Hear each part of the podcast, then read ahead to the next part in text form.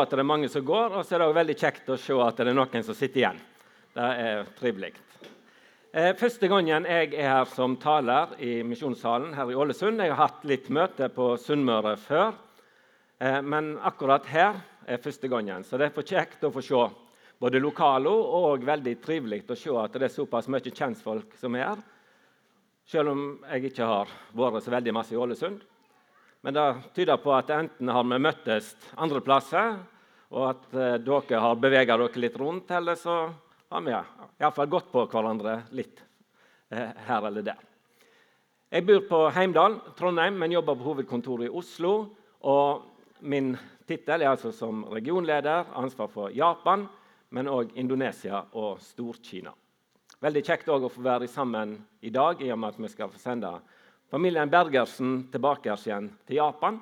Jeg fikk òg være ei uke sammen med dem tidligere i sommer i Nairobi eh, på utreisekurs, og det var veldig fint. Det er 40 nye utsendinger som vi sender ut denne høsten, og det er fantastisk. Misjonssambandet sitt antall utsendinger rundt om på felt Før koronapandemien var det ca. 108, mens når vi nå kommer i gang nå i høst, så regner vi med at det er ca. 130 utsendinger på felt. Og Det legger et stort ansvar på oss som er i Norge, at vi står bak i bønn og offer. og Derfor er vi veldig takknemlige for at uh, vi får sende familien Bergersen, og at det er så mange som med tilstedeværelsen her i dag og med det dere gjør både med forbønn og offer, viser at dere står med og sender dem og alle de andre som vi har ute. Teksten for dagen den finner vi i Johannes evangeliet, kapittel 8, vers 31-36. Så sa Jesus til de jødene som har kommet til tro på han. Blir det værende i mitt ord, er det virkelig mine læresveiner. Da skal dere få kjenne sanninga, og sanninga skal gjøre deg frie. Vi er Abrahams ett, la deg imot, har aldri vært slaver for noen. Hvordan kan du da si at vi skal bli frie? Jesus svarer, Sannelig, sannelig, jeg sier dykk, hver den som gjør synd, er slave under synda. En slave blir ikke værende i huset i all framtid, men en som blir værende der for alltid. For Sønnen gjort dykk frie, blir det virkelig frie. Amen. For noen dager siden, den 17. august, da var det frihetsdag i Indonesia.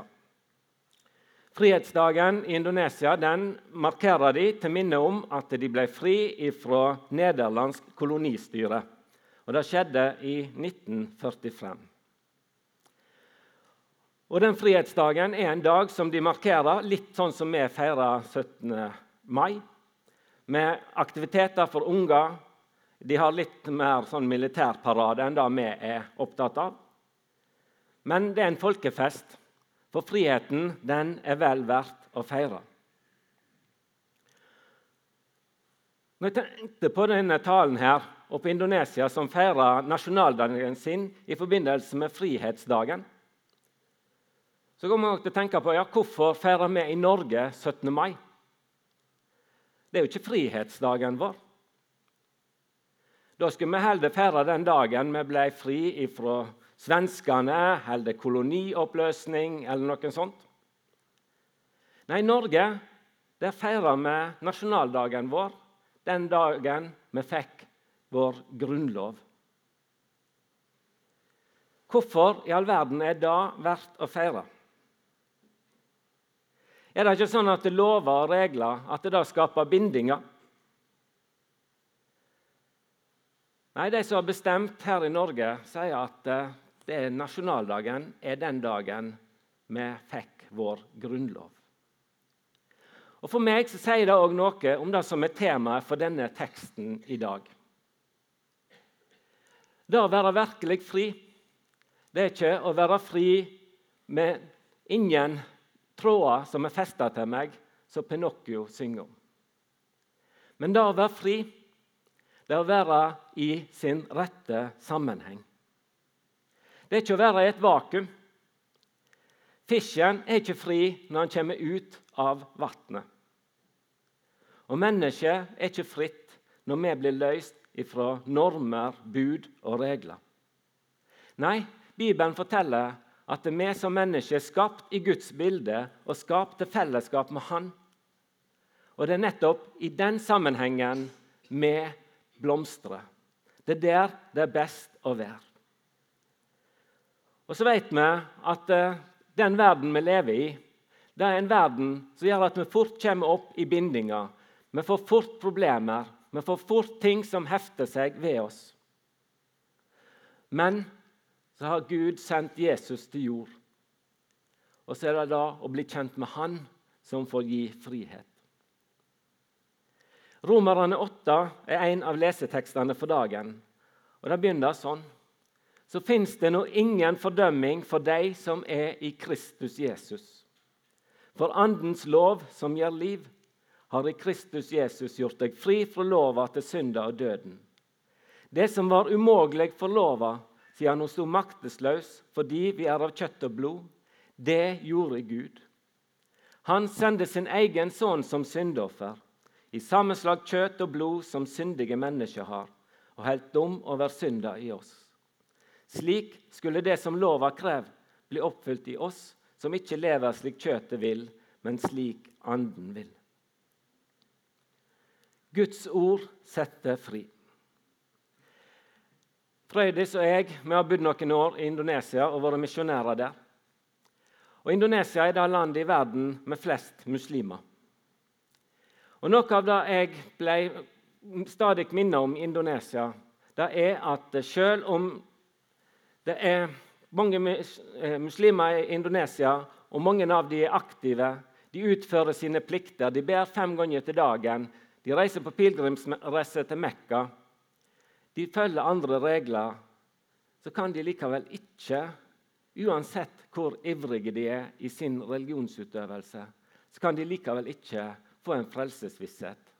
De er ikke sikre den dagen livet her tar slutt. Vil Allah, vil Gud, lukke de inn i paradiset, eller vil de møte ei stengt dør? De tenker som så at våre gode gjerninger de havner i ei vektskål. Og så havner syndene våre og det andre ting som vi gjør som ikke er bra, de havner i en annen vektskål. Og så på dommens dag så er det spennende å se hvordan tipper vektskåla. Er det de gode gjerningene som vinner, eller er det de dårlige som er i flertall? Og hvis de gode gjerningene vinner, er likevel Allah fornøyd, sånn at han slipper meg inn i paradis. Det kan de ikke vite. Men Bibelen forteller, som vi leste, at det er ikke det er ingen fordømming for de som er i Kristus Jesus. Det er ikke vektskåleprinsippet som gjelder. Nei, det er Jesus som gjelder. Og Apostelgjerningene 4,12 er kjent vers. Det er ikke frelse i noen annen, for under himmelen er det ikke gitt mennesket noe annet navn som vi kan bli frelste ved. Det er nok med Jesus.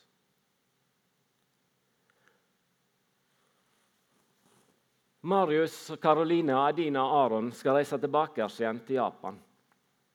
Japan er et sekulært land på veldig mange måter.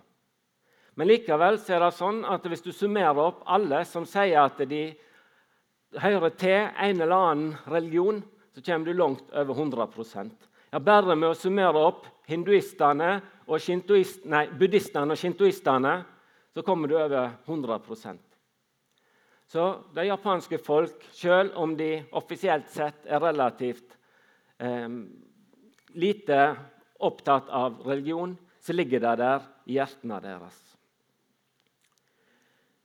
Shintoismen er en særjapansk naturreligion som òg har tilknytning til det japanske keiserhuset.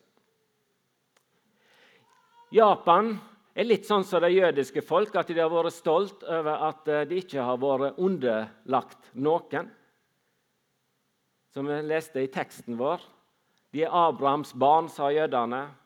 og de sto ikke til ansvar for noen andre. Japanerne òg har en veldig høy selvbevissthet. Men USA okkuperte Japan i etterkant av krigen. Men fra 1952 og utover så har Japan hatt en veldig stor økonomisk vekst. Både materiell og teknologisk velstand. Men de siste åra har voksten stagnert. Det er andre økonomier rundt om i verden som har hatt større framgang. Og F.eks. nabolandene til Japan, Kina og Sør-Korea, har blitt store både på elektronikk og på bil. Selv om Japan har en relativt høy materiell velstand, så er det likevel mange som opplever at livet er tomt, og de har mista trua på framtida. Mange av de unge japanerne de ønsker ikke å stifte familie. Det er få barnefødsler, og folketallet går tilbake. Nå er det ca. 125 millioner, mens for noen år siden var det 127. Levealderen er høy, og pensjonsalderen er relativt lav. Det er et uttrykk for den demografiske skjevfordelingen i Japan at Japan er det eneste landet i verden der det blir solgt flere bleier til voksne enn til babyer. Det sier litt om at eh, de henger ikke helt rett i sammen. Og Grunnen til at det blir født så få babyer, er at folk ser litt mørkt på framtida. Det er ikke første gang noen ser mørkt på framtida. Israelsfolket var i, ført til Babylon. Og Da taler Gud til dem gjennom profeten Jeremia og sier For jeg veit hva tanker jeg har med dykk, sier Herren, fredstanker og ikke ulykkestanker. Jeg vil gi deg framtid og vond. Når det kaller på meg og kommer for å be til meg, vil jeg høre på dykk. Det skal søke meg, og det skal finne meg, når det søker meg av et helt hjerte. Misjonssambandet har hatt arbeid i Japan i over 70 år. Og Andre misjonsorganisasjoner har vært der enda lenger. Men fremdeles er det kanskje cirka bare 1 av Japans befolkning som kan kalles kristne. Men det er håp for Japan òg. Men de trenger å få høre evangeliet om Jesus. I 2018 fikk jeg være på besøk til Japan en tur. og Da tok Liv Bakke Magerøy meg med på besøk til en helligdom for ei sekt som hadde vasking og rengjøring som en stor aktivitet, eller som en stor gudstjeneste. Den sekta het for Tenri Kyo. Og Det er rundt én million japanere som hører til denne sekta. Den har sitt utspring i shintoismen og har også nær sammenheng med buddhismen. Og Den er òg eh, representert utenfor eh, Japan, USA og kanskje spesielt på Hawaii. Tenri Kyo de lærer at Gud skapte mennesker for at de skulle ha et liv i lykke. Men forutsetningen for å ha et liv i lykke er at du har et rent hjerte. Og De som følger Tenri Kyo, de er kjent for å gjøre gode gjerninger, for å utføre frivillig arbeid. Og alt dette her blir gjort uten egoistiske baktanker. De har en stor helligdom som ligger i byen Tenri. Det er et gedigent trehus, og rundt trehuset er det en stor grusplass. Og Inne i trehuset er det lange ganger og mange rom. Alt var gullende rent når vi var der. Og Der gikk folk og tørka støv overalt. Og De gikk ute og sopte og passet på at grusplassen var i sin skjønneste orden. Alt så perfekt ut. Men støvtørkinga den måtte gå hele tida, for det la seg stadig nytt støv. Og De måtte rundt med klutene, de måtte feie, de måtte sope, de måtte rense. Og det var nye folk som kom til og var med på dette her. Dette gjør de òg som et synlig tegn for at eh, det som skjer med oss som mennesker, er òg, sier de, at det legger seg støv både i vårt hjerte og i vår hjerne. Ting som ligger der, og som må tørkes vekk. De må renses. Og Vi kjenner kanskje til det, vi òg. At synda, den er der. Den henger så fast ved oss. Og den er det umulig å bli kvitt. Og disse tenner Kjå-etterfølgerne de gikk og tørka støv og gjorde gode gjerninger. Det var det som var religionen deres. Jeg er såpass lite glad i å tørke støv at jeg er veldig glad jeg ikke er medlem i Tenri Kjå. Men jeg er enda mer glad for at eh, jeg får være en kristen som får tro på Jesus. For den frelse som jeg har, den er ikke avhengig av om jeg klarer å holde mitt hjerte rent eller min tanke ren. Den er ikke avhengig av at jeg klarer å gjøre de gjerningene som jeg skal gjøre, uten baktanker. Det er ikke der min lykke og min salighet henger. Nei, min lykke og min salighet den henger på Jesus. Han som Hebreabrevets forfatter skriver i kapittel 9, vers 12. At det ikke med blod av bukker og kalver, men med sitt eget blod gikk han inn i helligdommen en gang for alle og kjøpte oss fri for evig. Derfor er jeg glad for at jeg har fått hørt om Jesus.